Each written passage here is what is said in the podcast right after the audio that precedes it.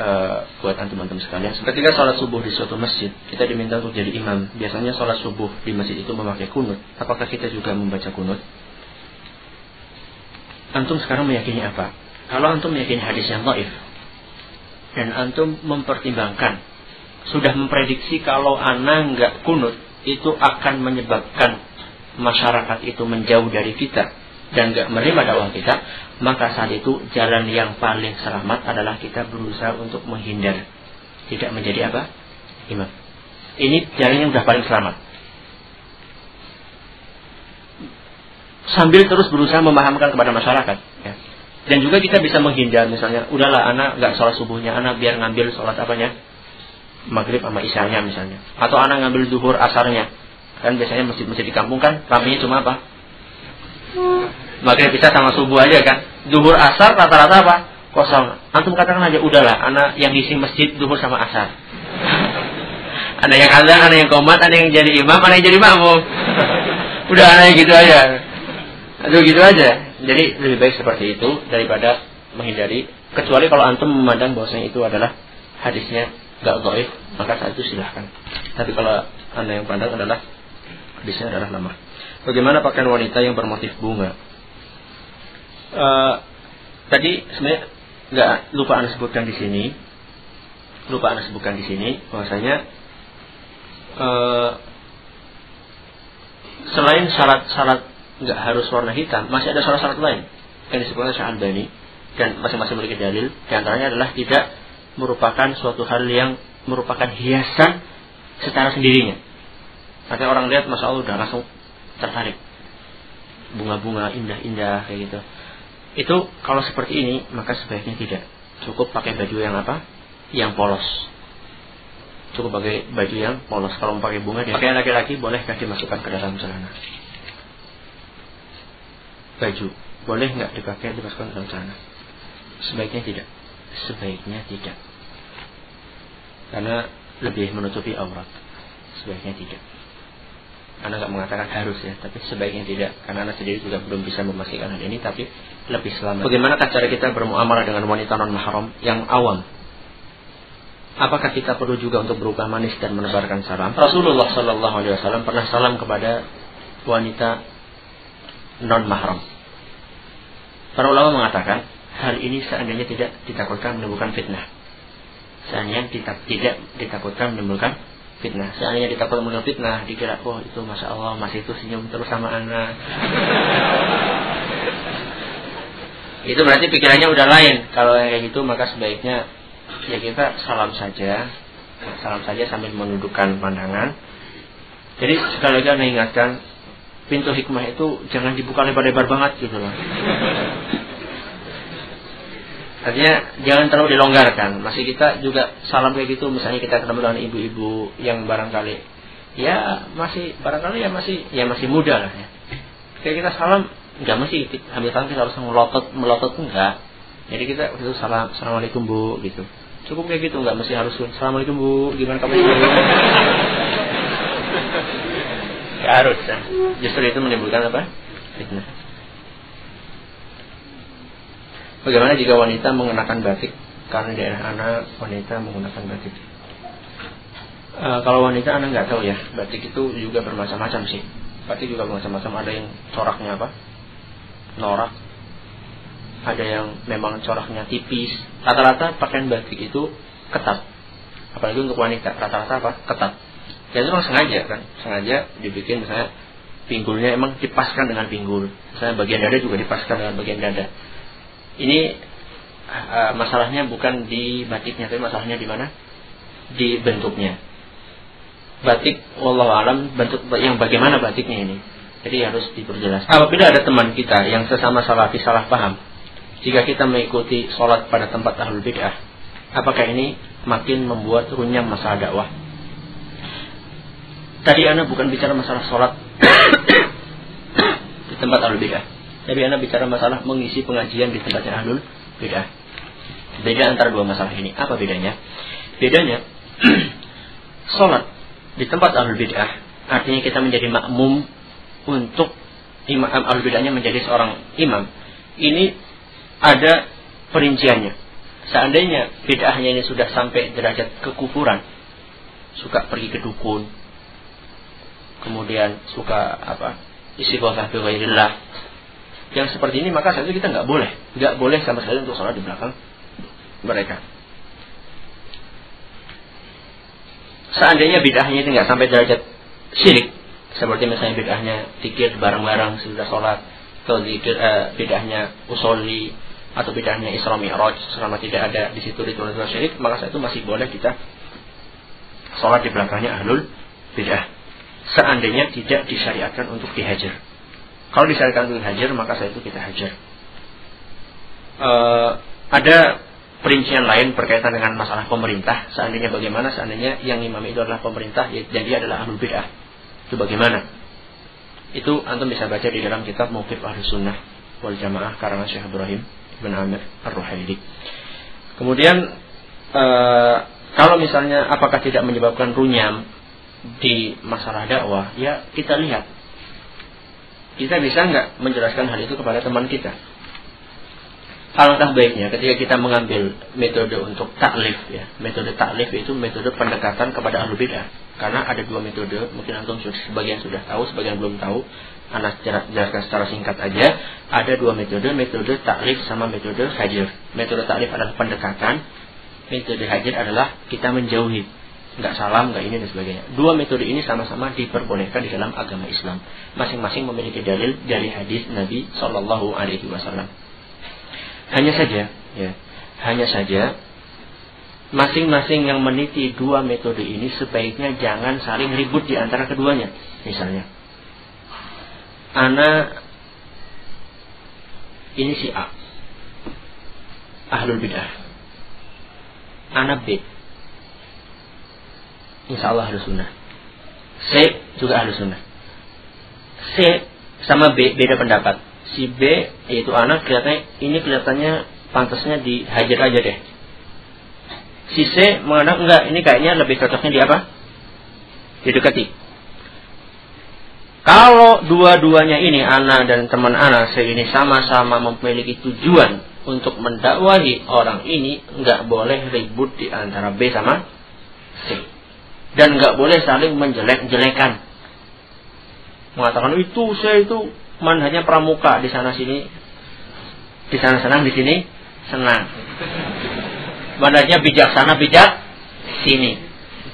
Nggak boleh. Kebalikannya juga yang uh, apa yang yang yang mentakrif ini jangan sampai mengatakan oh itu si si si B ini sukanya menghajar dia ini orangnya nggak mau salam dia tuh bukan ahlu sunnah nggak boleh jadi kita nggak boleh sama-sama saling seperti maka berusaha untuk me mensinkronkan di antara dua orang tersebut. Oke sampai jam sembilan ya? Ya. Benar. Hah? Kalau dia besar nggak habis-habis nih. Bagaimana kalau kita disuruh imam sedangkan di masjid tersebut biasa terawih dikerjakan 23 rakaat. Sampai saat ini wallah alam ana memandang bahwasanya boleh meskipun yang lebih afdal adalah 11 rakaat. Dan susah untuk mengatakan bahwasanya yang di atas 11 rakaat itu bid'ah. Susah. Dan berat karena memiliki dalil yang kuat dan para ulama pun berpendapat seperti itu sebagian. Dan ini masih dalam taraf perselisihan yang masih bisa ditolerir. Maka ketika salah seorang ulama mengatakan itu bid'ah, itu dikritik oleh ulama yang lain bahwasanya itu nggak benar. Karena memiliki dalil yang kuat.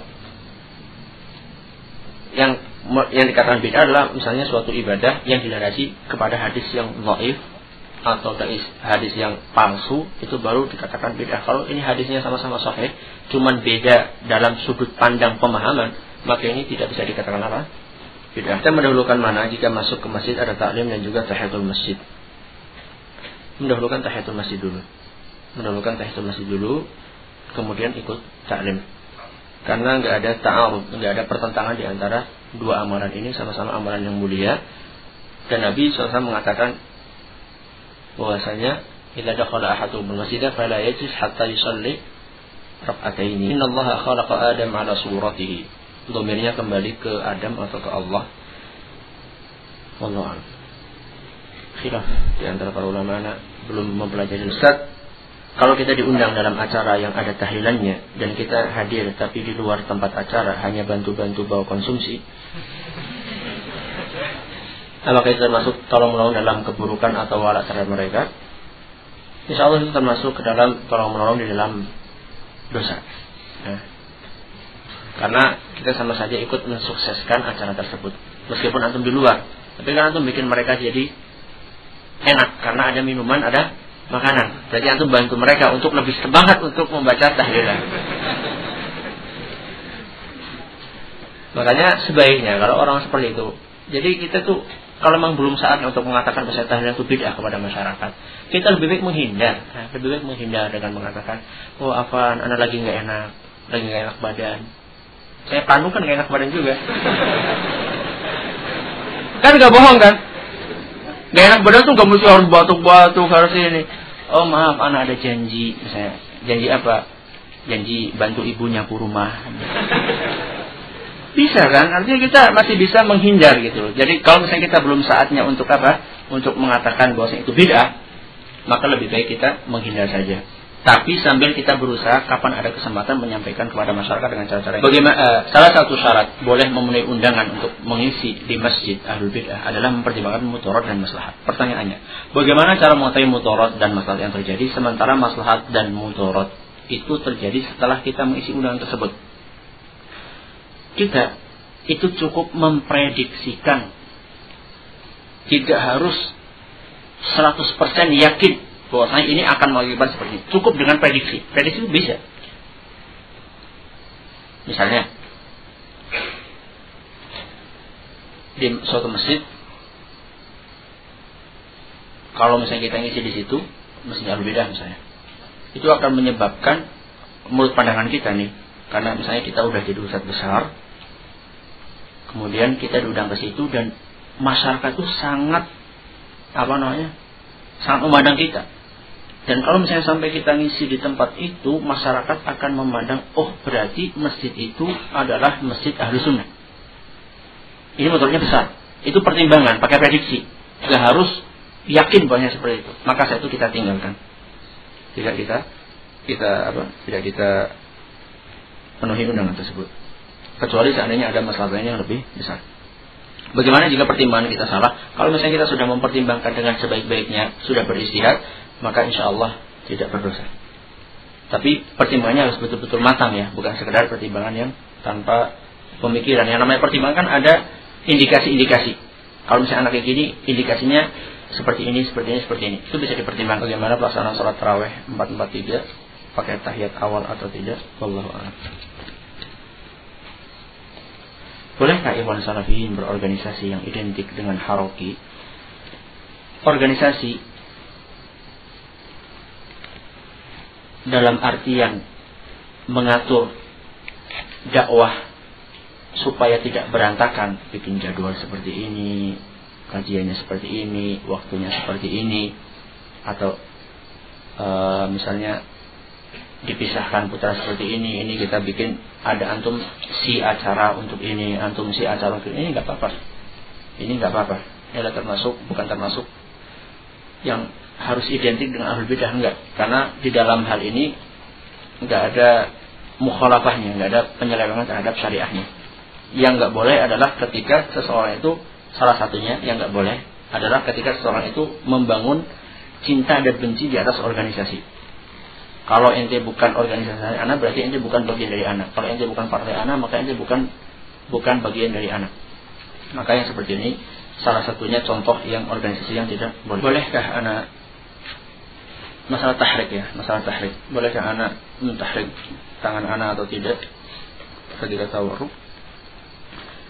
Sampai hari ini yang anak yakini adalah masing-masing boleh. Karena masing-masing memiliki hadis. Kebetulan skripsi anak ketika S1 itu masalah itu.